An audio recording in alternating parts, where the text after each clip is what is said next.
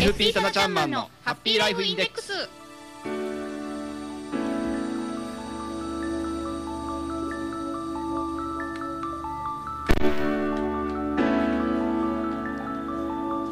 FP タナちゃんマンのハッピーライフインデックス」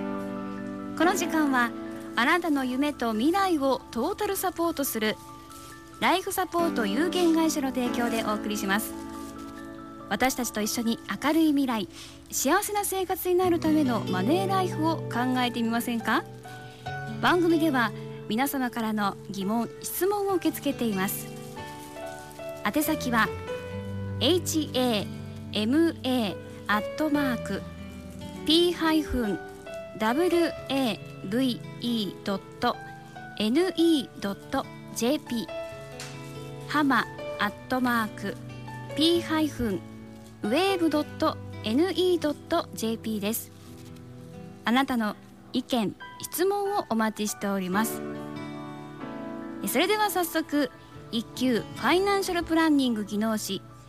ライフサポート有限会社代表のタナちゃんマンを呼んでみましょうタナちゃんマンはい、こんにちは、棚橋です。はじめまして、はい、はじめまして。初対面なのにタナちゃんマンなんて、はい、結構ですよ。訳ございません、はお許しくださいありがとうございません。ありがとうございます。さて、えーはい。今日のテーマを教えていただけますでしょうか、はい、今日はですね、住宅ローンについてお話をしていきたいと思います。住宅ローンについ。て、まああのマイホームが欲しい方たくさんいらっしゃると思いますしすね。またあのね家を購入された方で、まあはい。いろいろな家庭の事情で、まあどのようにローンを組んでいったらいいのかとかですね、はい。まあローンを払い終わったとしてもそのろ定年を迎えた時のそう場合ですね。その後のね、ライフプランニングだとか、はい。そういうの重要ですからね。いろいろ考えている方多いかと思うんですが、はい。まあ、最近は住宅ローンにもいろいろな種類があると聞くんですけれども、住宅ローンを選ぶ基準を教えていただいてもいいでしょうか？はい、そうですね。住宅ローンといえばですね、もう本当に一昔前のお話になるんですけれども、はい。昔はですね住宅金融公庫っていうのがねもう定番でしたけれども、はい。えー小泉政権のお行政改革の一環でですねその住宅金融公庫さんもあ廃止をされまして、はい。今いろんなあー銀銀行の住宅ローンを中心とした、えー住宅ローンのお組んで購入されるということが増えてきておりますけれども、えーその中でですね、えー金融機関の銀行さんのですね競争も激しくなってきまして、はい。あるいはその住宅金融公庫に代わるものとしてフラット35というですね、えー特定行政法人がですね、えー債券買取型というですね、えーちょっと仕組みの複雑なですね住宅ローンも出てまいりましていろんな種類が出てきました。で、えーき選ぶ基準としましてはですね、はいやはりその今ねおっしゃられたように今後の、えー自分のライフスタイルどのように、えー歩んでいくかあるいはその今後のですねライフプランニングですね、えーそういうのを踏まえた上で選んでいく必要があるのかなと思いますね。例えばですね、はい。先ほどお言いましたフラット35ですとお最長35年間の借り入れで借り入れ期間、えー金利が変わらない固定金利であったりだとか銀行さんの場合ですと多くの場合、えー3年間あるいは5年間10年間のですね、はい。えー期間だけ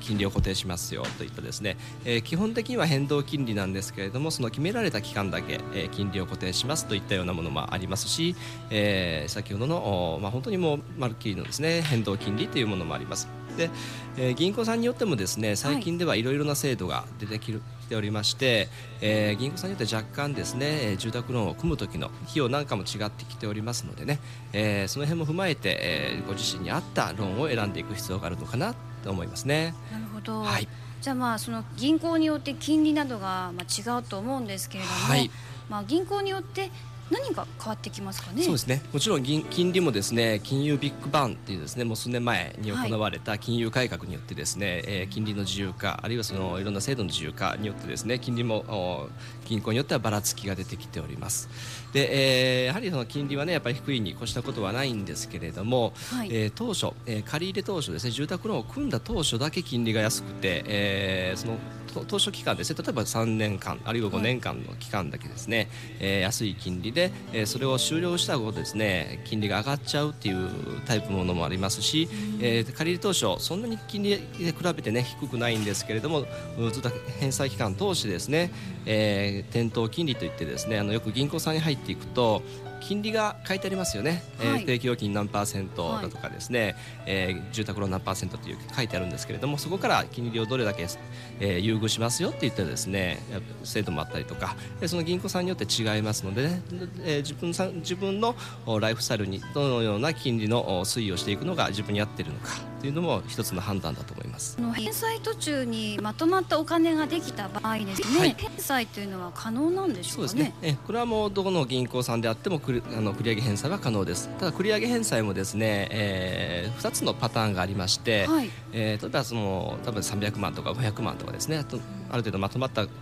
お金をこう、えー一括してその分だけ返済するした場合ですね、えー返済した分だけその返済期間短くなるタイプ。のお形の返繰り上げ返済あるいはですね、えー繰り上げ返済をした分だけ毎、えー月々の返済金額を抑えるといった、えー形を選ぶことができる銀行さんもあります。はい、で、えーどちらがですね繰り上げ返済の効効果というかですね、えー大きいかというとですね、えー月々の返済額を抑えるよりも、はい返済期間を短くした方のが、えー繰り上げ返済による効果っていうのは大きいんですね。えー期間を短くした方のがあー支払いをするお支払いする利息が少なくて済むという形になりますので、えー家計のによってはねやはり期間を短くした方がいいのかなと思うんですけれども例えばこれからね子どもさんが大きくなっていくのでこれからお金がどんどん必要になっていくので、っていうことであれば、えーそのうん優遇される金利よりもですね逆に、えーライフスタイルに合わせた形で、えー返済金額を抑えた方が効果が大きくなるっていうようなケースも出てくるのかなというふうに思いますね。この途中の金利の変更っていうのは可能なんですか？そうですね。金利の変更はですねもう決められております。金利はですねやっぱり銀行さんが決められてきますのでね、こちらから金利を変更するということはできないんですけれども、えーまあ借り入れのスタイルですね変動金利するのか、あるいはその当初期間あるいはそのお期間ごとの固定金利を選ぶのかというところであのある程度は調整はできるのかなとは思いますけれどもね。